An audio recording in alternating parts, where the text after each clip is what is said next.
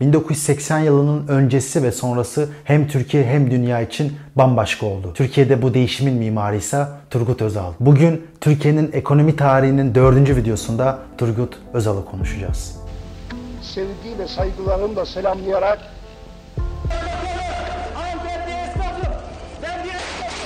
He's bankrupt. He desperately needs vast loans from overseas just to keep going. Ve biz geldiğimizde 23,5 milyar dolar borcumuz vardı IMF'e. 2013 borcumuzu sıfırladık. Bitti. durumunun yani ekonomide oldukça e, bozulduğunu e, zaten dışarıdan izliyorduk. Gerçi bu kadar e, sıkıntının bu kadar büyük olacağını, bu kadar büyük olduğunu tam fark etmemiştik. E, 1980'lere geldiğimizde dünya ciddi bir kırılma yaşadı. Bu kırılmanın da tam 3 tane nedeni vardı. 1973 ve 79 petrol krizleri dünyada enerji fiyatlarını arttırmış. Dolayısıyla enflasyon özellikle batıda yükselmişti. Batılı ülkeler enflasyon karşısında Keynesyen ekonomiyi yavaş yavaş bırakmaya başladılar. İkinci nedense Vietnam Savaşı'ydı. Amerika Vietnam'da yenilmiş. Yenilmenin hem ekonomik hem de siyasi maliyeti olmuştu. Üçüncü nedense 1944'ten beri çalışan Bretton Woods sistemi zarar gördü. Bretton Woods sistemiyle beraber 44 ülke bir araya gelmiş paralarını stabilize etmişlerdi. Böylece ekonomik krizlerin azalması öngörülüyordu. Ülkelerin enflasyon yaşaması, enerji fiyatlarının artması neticesinde Bretton Woods sistemindeki stabilizasyon ülkelere maliyetli gelmeye başladı. Çünkü Amerikan doları altına sabitlenmiş, diğer kalan para birimleri ise dolara sabitlenmişti. Önce İngiltere ve Fransa, daha sonrasında da Amerika bu sistemi terk etti. Bütün bunların neticesinde Keynesyen ekonomik model krize girerken yeni bir çözüm modeli ortaya atıldı. Bu çözüm modeli ise neoliberalizmdi. Neoliberalizm kısaca sermaye hareketlerinin serbest bırakılmasını ve aynı zamanda devletin küçülmesini öngörüyordu. Devlet küçülmeliydi ki harcamalar azaltılsın, harcamalar azalmalıydı ki enflasyon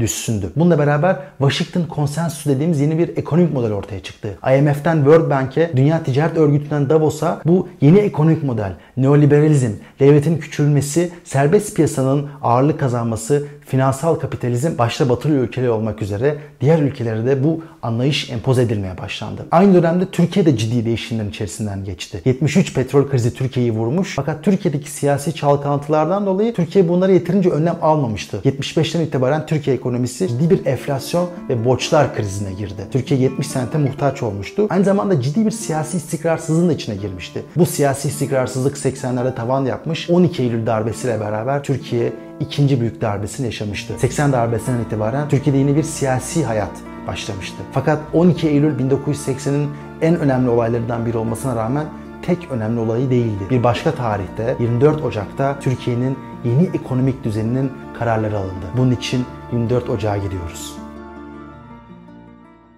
Demirel hükümeti iktidara geldiğinde ekonomi çok kötü bir durumda olduğu için yeni bir ekonomik modele geçmek istiyorlardı. Akla gelen ilk isim eski devlet planlama müsteşarı, World Bank'te çalışmış, Sabancı Holding'de deneyimi olan Turgut Özal oldu. Turgut Özal hem dünyayı biliyor hem de Türkiye'de de tecrübeli olan bir isimdi ve ona yeni bir görev verildi ekonominin yeni modelini sen yazacaksın. Özal göreve geldiğinde şunu söyledi. Bu kadar devlet harcamasıyla Türkiye devam edemez. Ve aynı zamanda artık Türkiye dışarı açılmalı, ithalat ve ihracat rejimleri serbestleştirilmeliydi. 24 Ocak'a kadar Özal ve yanındaki kurmaylar Türkiye'nin yeni ekonomik modelini yazmaya başladılar. 24 Ocak kararları alınmış ama uygulanamamıştı. Aynı zamanda Türkiye Cumhurbaşkanı'nı seçememişti. Yani ortada hem bir siyasi kriz hem de bir ekonomik kriz vardı. Çatışmaların artmasıyla beraber ordu yönetime el koydu. 24 Ocak kararları ancak ordunun yönetime el koymasıyla beraber gerçekleşti. Peki 24 Ocak için mi darbe yapılmıştı? Kenan Evren bu soruya hayır biz zaten anarşi olduğu için darbe yaptık demişti. Fakat şu gerçekte unutulmamalı. Bunu Kenan Evren'in kendisi de kabul ediyor. Ancak 12 Eylül ile beraber 24 Ocak kararları uygulanabildi. 12 Eylül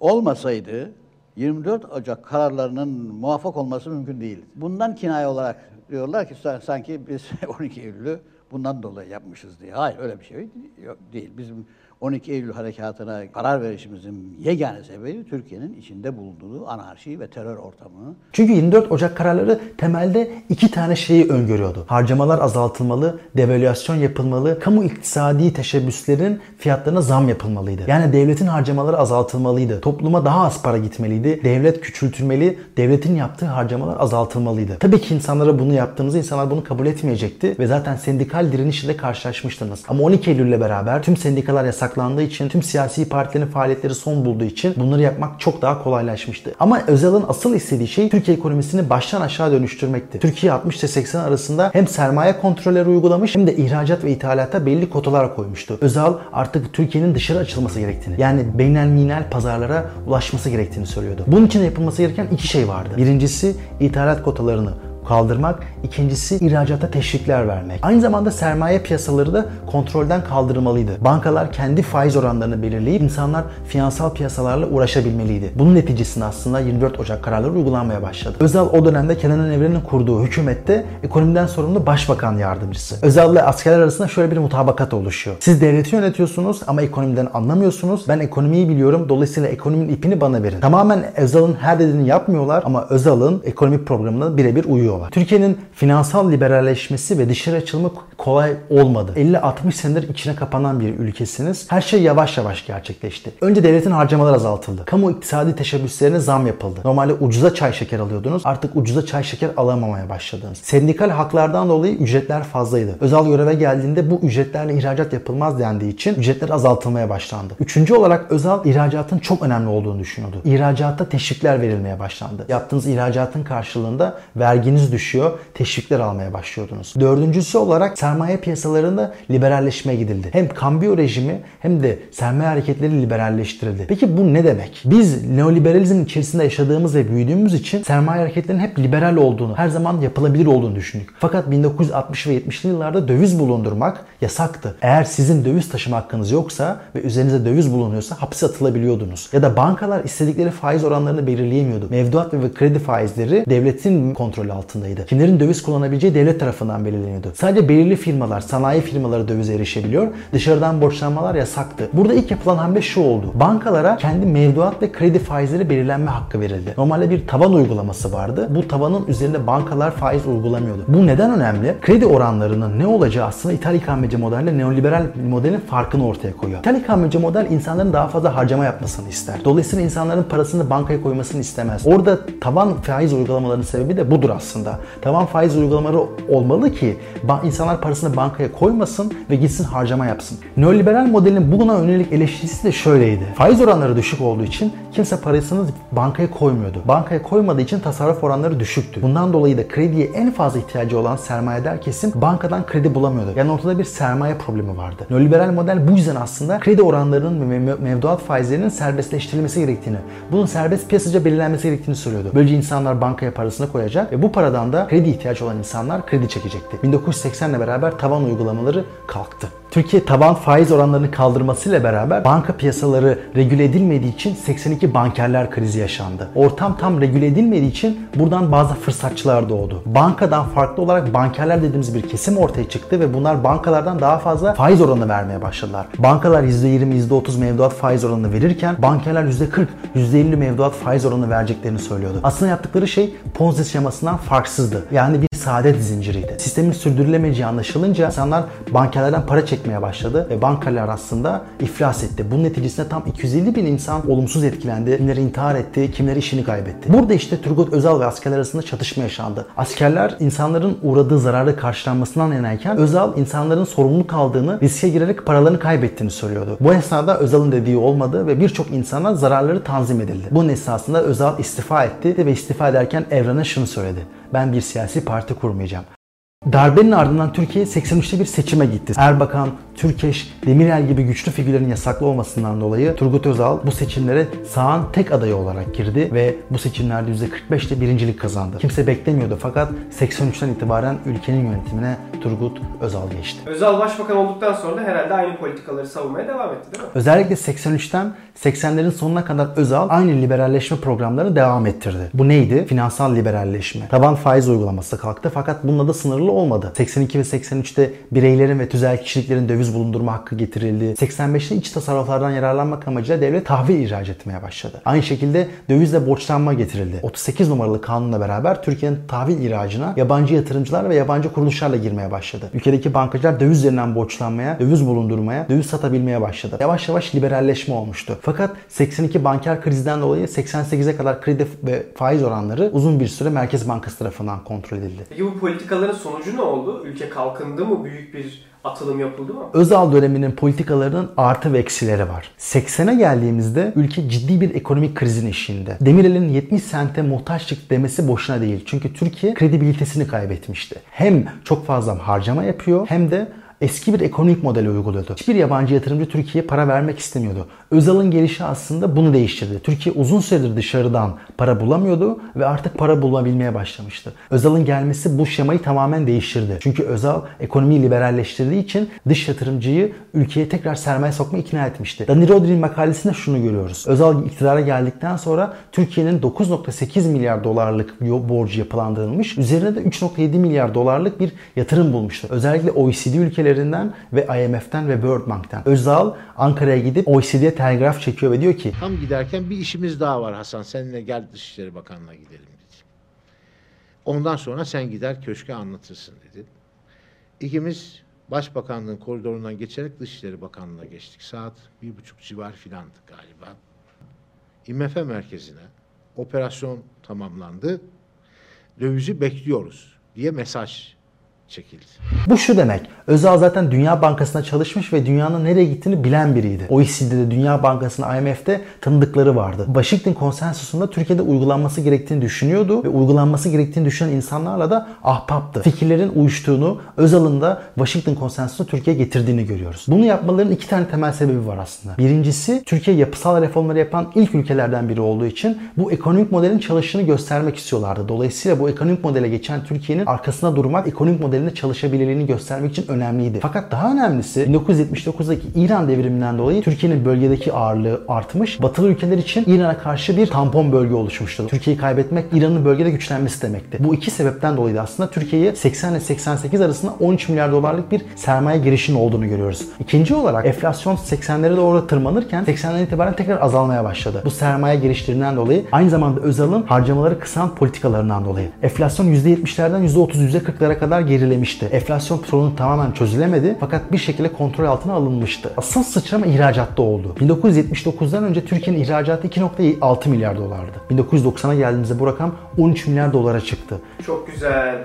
İthalattan ne haber? Bu esnada tabi sadece ihracat artmadı. İthalat da beraber arttı. Çünkü Türkiye'nin her zaman ihracatı ithalata bağımlı oldu. Fakat şu önemli. Dünyada 80 ile 90 yılı arasında oransal olarak ihracatını en fazla arttıran ülke Türkiye oldu. Bunun arkasında 3 tane temel sebep var aslında. Birincisi ihracatı teşvik politikaları. İhracat teşvik politikaları öncelikle TL'nin değerinin azaltılmasıyla beraber gerçekleştirildi. Fakat ikinci önemli sebep şu. Irak ve İran savaşından dolayı Türkiye iki ülkede ihracat yapmaya başlamıştı. Savaştan Türkiye karlı çıkmıştı. Üçüncü sebep ise yine Dani Rodri'nin bir başka makalesinde olduğunu görüyoruz. 60 ve 80 arasında Türkiye sanayileşme hamlesi yaptığı için sanayisinin fundamentallerini geliştirmişti. 80'de yaptığı şey bu fundamentalleri dışarıya açmak oldu. 60 ve 80'de geliştirdiğiniz çelik ve tekstil endüstriniz 80'lerden itibaren global bir oyuncu olmaya başlamıştı. Bu üç sebepten ötürü Türkiye'nin ihracatı ciddi miktarda artmış. Gayri safi yurt içi hasılasının %9'una kadar gelmişti. İhracat bu dönemin en önemli şampiyonlarından biri. Bu dönemde Türkiye'de yavaş yavaş tüketim toplumuna evrilmiyor mu? Rıfat Beli'nin çok güzel bir kitabı var. Rıfat Beli bir sosyolog. Tarzı hayattan lifestyle'a diye. Bu dönemle beraber 1980'le beraber Türkiye toplumu tamamen değişiyor. Özal da zaten aslında bunu hedefliyordu. İhracat ve ithalatın serbestleşmesiyle beraber çok özenilen Amerikan, Avrupalı mallar gelmeye başladı. Yabancı tütünler, yabancı alkoller, tüplü televizyon, özel televizyon, tüketim toplumu hepsi hayatımıza girmeye başladı. Mesela şu bardağı düşün. Normalde 1960 ve 70 Türkiye'sinde bu bardak sadece düz bir su bardağıydı. Yani sadece su içtiğin ve herhangi bir tasarım, herhangi bir albenisi olmayan bir bardak. Ama şimdi bakıyorsun özel tasarımı var. Çok şık, güzel, üzerinde çok güzel bir baskı var ve 49W yazıyor değil mi? Eskiden bu bardak sadece su içmek için de artık seni yansıtan, senin zevklerini, tarzını yansıtan bir bardağa dönüştü. Tüketim toplumunda aslında böyle oluyorsun. Eskiden tep tip bir araba vardı. Tofaş'a, Şahin'e muhtaçtın. Artık yeni model arabalar, Fiatlar, Citroen'ler hayatına girmeye başladı. Toplumda tamamen dönüşlü bir döneme girdik. Mesela Cemalettin Taşçı'nın bir yazısı vardır. Şöyle der. Demirel'in Türkiye'sinde Türkiye Malta'ya yenilirdi futbolda. Ve bu kanıksanırdı. Türkiye zaten Malta'ya yenilirdi. Türkiye böyle bir ülkeydi. Türkiye zaten vasat bir ülkeydi. Ama Özal'la beraber Türkiye artık farklı bir noktaya geldi. Futbolda daha iyi olmalıydı. Türkiye bunu hak etmiyordu. Herkesin işini daha iyi yaptığı, Türkiye'deki insanların daha iyisini hak ettiği bir döneme girildi der. Bir ruhun dönüştüğünü, insanların daha iyisini hak etmek için çabaladığını söyler. Nitekim Özal da bunu söyler zaten. Hür teşebbüs, girişimcilik, yatırım, daha iyisine ulaşma, hırs bunlar kötü değildir. Türkiye daha iyisi için çabalamalıdır ve bu vasata muhtaç değilsiniz. Toplum dönüşmeli der. Abi her şey çok iyi. Mükemmel bir özel anlattın sen. Ne oldu da bu işler kötüye gitmeye başladı. Özal'ın desteği azaldı. Aslında her şey o kadar iyi değildi. Ömer, her güzelin bir dikeni vardır. Her güzel hikayenin bir sonu vardır. Her güzel hikayenin bir kötü tarafı vardır. Her bir reform hareketi o maliyeti bir gruba yükler. O grup genelde görünmezdir. Özal 24 Ocak kararlarını kaleme alırken şunu söylemiştir. Türkiye daha fazla ihracat yapmak istiyorsa bu ücretleri azaltmalı. Türkiye'de de işçi ve emekçinin ekonomiden aldığı paya baktığımızda 1977 ile 80'li arasında işçinin ve emekçinin ekonomiden aldığı pay %30 azalıyor. Yani bu insanlar ekonomideki aldığı pasta dilimi gittikçe küçülüyor. Neden? Çünkü sübvansiyonlar azaltıldı. Çünkü sendikal haklar kısıtlandığı için toplu iz sözleşmeleri yasaklandı ve onların gücü azaltıldı. İşçi ve emekçi, kent yoksulları ekonomi büyümesine rağmen o ekonomik büyümeden önceki dönemler kadar pay alamamaya başladı. Fakat onların pastan aldığı miktar küçülmedi. Oran küçüldü, miktar küçülmedi. Neden? Çünkü Türkiye bu esnada büyümüştü zaten. İkinci olarak özel hükümeti aslında bu insanlara informal yollarla bazı yardımlar yaptı. Ne mesela? Siz İstanbul'a taşındınız, bir gece kondu inşa ettiniz. O gece kondu tapusunu size verdi. Ya da mesela FAK fon, fon gibi fonlar oluşturuldu. Fakir fukara fonu. Bu fonlar aracılığıyla aslında insanların geliri azalmasına rağmen insanlara bir şekilde yardım yapmaya başlamıştı. Onların rızasını böyle kazandı. E, tüketim toplumunun artmasıyla beraber zaten insanlar gelirlerin azalmasına rağmen o kadar kötü hissetmiyordu. Özel hükümetinin ve reformların asıl tıkandığı yer şurası oldu. Bir liberalleşme hareketi vardı. Fakat bu liberalleşme hareketi tam oturmadı. Neden? Çünkü siyasi anlamda tam olarak toplumu tamamen dönüştüremedi ve hukuki reformlar tam oturmadı. Serbest piyasa rejimi herkesin kafasına göre ticaret yaptığı, herkesin kafasına göre al salt yaptığı bir rejim değildir. Tersine serbest ticaret aslında belirli hukukun ve kurumların olduğu ve bu düzenlemeler neticesinde sürdürülebilir, şeffaf yapılardır. Turgut Özal dönemin en büyük sorunu bu hukuki çerçevenin olmamasıdır. Özal liberalleşirken aslında hukuku biraz görmezden gelmiştir. Kurumları tam oturtmamıştır. Bankalar liberalleşmiştir ama BDK yoktur. Sermaye piyasaları oluşturulmuştur fakat sekabet kurumu tam oluşturulmamıştır. İhracat ve ithalat rejimi liberalleşmiştir fakat büyük iş adamları kayrılmıştır. Onlara kota ayrılmıştır. Hangi malı ithalat serbestisi verileceği Özal'a yakınlık üzerinden kurulmuştur. Aynı zamanda Özal'ın prensleri lafları da çıkmıştır. Yolsuzluk patlamıştır ve serbest piyasa rejimi tam uygulanamamıştır. Hayali ihracat diye bir kavram ortaya girmiştir. Türkiye bu dönemde ihracat yapıyormuş gibi gösterip bunun üzerinden vergi indirimi alan ya da bunun üzerinden devletten teşvik alan iş adamlarla dolmuştur. Dani Rodri bu konuda bir makalesi var ve şöyle bir hesaplama yapıyor. Türkiye'nin OECD ülkelerine gönderdiği ihracat miktarına bakıyor. Bir de OECD ülkelerin Türkiye'nin aldığı ithalat miktarına bakıyor. Bu ikisini karşılaştırdığında arasında aradaki farkı görüyorsunuz. Ve aradaki fark %20'ye kadar ulaşıyor. Bu tamamen kötü bir şey değil. Nasıl Sebep şöyle. Çünkü bu hayali icraat özellikle Almanya ile oluyor. Ve normalde Almanya'daki eurolar Türkiye hiç gelmeyecekken gelmeye başlıyor. En azından Dani Rodrik bunu böyle anlatıyor. Ne demek bu anlamadım.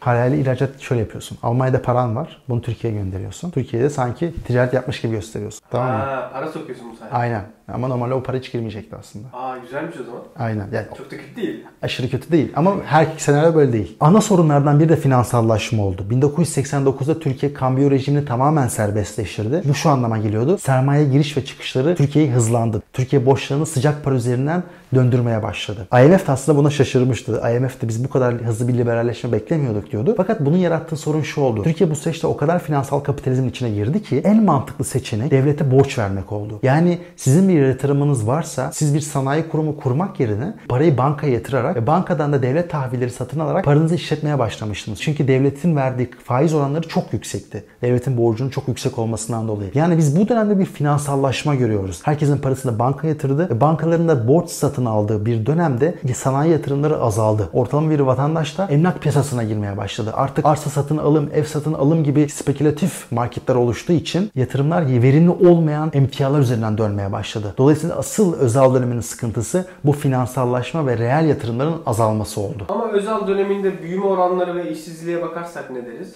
1980 ve 88 arasında büyüme oranları %4.4'tü. Ama %4.4 Türkiye'nin ortalama büyüme rakamından daha düşük değil mi? İki nokta var. İhracat çok fazla arttığı için bu anlamda olumlu diyebilirsin. Ama zaten büyümenin fazla olmaması normal. Özal'ın uyguladığı 24 Ocak kararları enflasyonu durdurmak için tüketimi azaltan kararnamelerde. Dolayısıyla büyümenin o kadar fazla olmaması normal. Enflasyonu durdurmak için insanların alım gücünü azaltın. 1980'lerin sonuna doğru dönüşen tek şey kambiyo rejimi olmadı. Siyasi yasaklar da affedilmişti. Ecevit, Türkeş, Demirel gibi eski ağır toplar siyaset sahnesine geri dönmüştü. Turgut Özal'ın rakipleri güçlenmişti. Turgut Özal da daha popülist bir siyasetçi oldu. Eski liberal tavrını sürdürememişti ve biz bu dönemde şunu görüyoruz. Ücretler tekrar arttı. Tarım sübvansiyonları geri geldi. Erken emeklilik geldi. Devletin harcamaları arttı. Dolayısıyla o 80 ile 90 arasında arasındaki liberal dönüşüm yavaşladı ve devletin harcamalarının arttığı, enflasyonun tekrar yükseldiği, devletin daha üst faizlerden borçlandığı bir döneme girdik. Peki bu 94'te bir ekonomik krize patlayacaktı. Siyasi istikrarsızlık ekonomik istikrarsızlığı beraberinde getirdi. Bu dönem kurumlar yok dedin ya.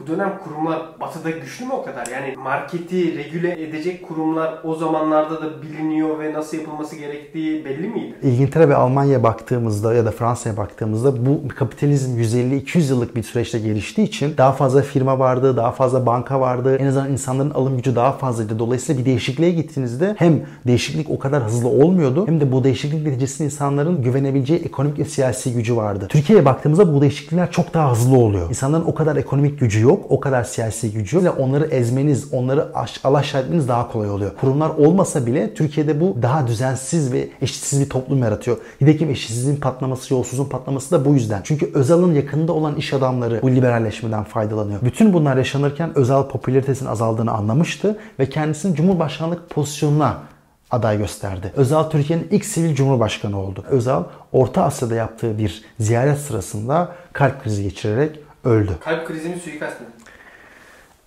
Hala tartışılıyor ama şöyle bir ilginç bir şey var. Türk Özal 1980'de kalp krizi geçiriyor. OECD toplantısına giderken uçağa binmeden önce kalp krizi geçiriyor. Hatta sonra Amerika'ya tedaviye gidiyor ve doktor diyor ki senin değil beslenen yarım saatin sonrası bile belli değil. Bu kilo ve bu boyla. Ee, yani boyu 1.61 kilosu da 113 olması lazım. Ciddi sağlık rahatsızlıkları var. Ciddi rahatsızlıkları var Özal'ın. Nitekim çok ani bir ölümle beraber Özal'ın da aslında bu bayağı hatıratını değiştiriyor. Çünkü ani ölümü toplumun Özal'a bakışını da biraz değiştirdi. Daha sempatik bakmasına yol açıyor aslında. Özal dönemi biraz daha iyi hatırlanıyor diyelim. Özal ölmese de de facto çok bir gücü kalmamıştı sanki. Tam olarak öyle değil. Hala gündemi belirleyen bir siyasi liderdi. Hem hür teşebbüs, serbest piyasa olsun hem de siyasi liberalizm anlamında olsun. Yani Kürt sorunu diyen, Kürt açılımı diyen ilk siyasi lider. Ermeni soykırımını kabul edelim ne olacak ki diyen ya da Orta Asya'ya gidip Orta Asya Türk devletleriyle beraber buluşan bir lider. Hala siyasi gücü ve ajandası olan, toplumu dönüştürmeye çalışan bir liderdi. Özal toplumu dönüştürdü. Özal öncesi ve sonrası çok farklı bir Türkiye. Türkiye'nin hem finansal hem de sanayi anlamında içine kapalı olduğu bir rejimdi. Hem ekonomik anlamda dönüştü hem de sosyal anlamda dönüştü. Tabii ki dünya da dönüşüyordu. Türkiye'de bu treni atladı. Özal da bunu dönüştüren bir kişi oldu. Her şeyden önce Özal sağ merkez bir liderdi. Demirel ya da Menderes gibi. Demirel ve Menderes'ten farklı. Demirel ve Menderes'ten şöyle farklı. Onlardan daha fazla hür teşebbüse inanıyor. Onlardan daha fazla piyasa mekanizmasına inanıyor. Hem Demirel hem Menderes'te şunu görüyoruz. Liberaller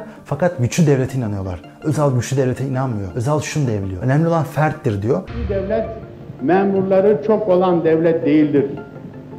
Güçlü devlet harcamaları çok fakat iki yakası bir araya gelmeyen devlet değildir. Güçlü devlet bir istihdam kapısı değildir. Güçlü devlet bir mabut veya baba değildir.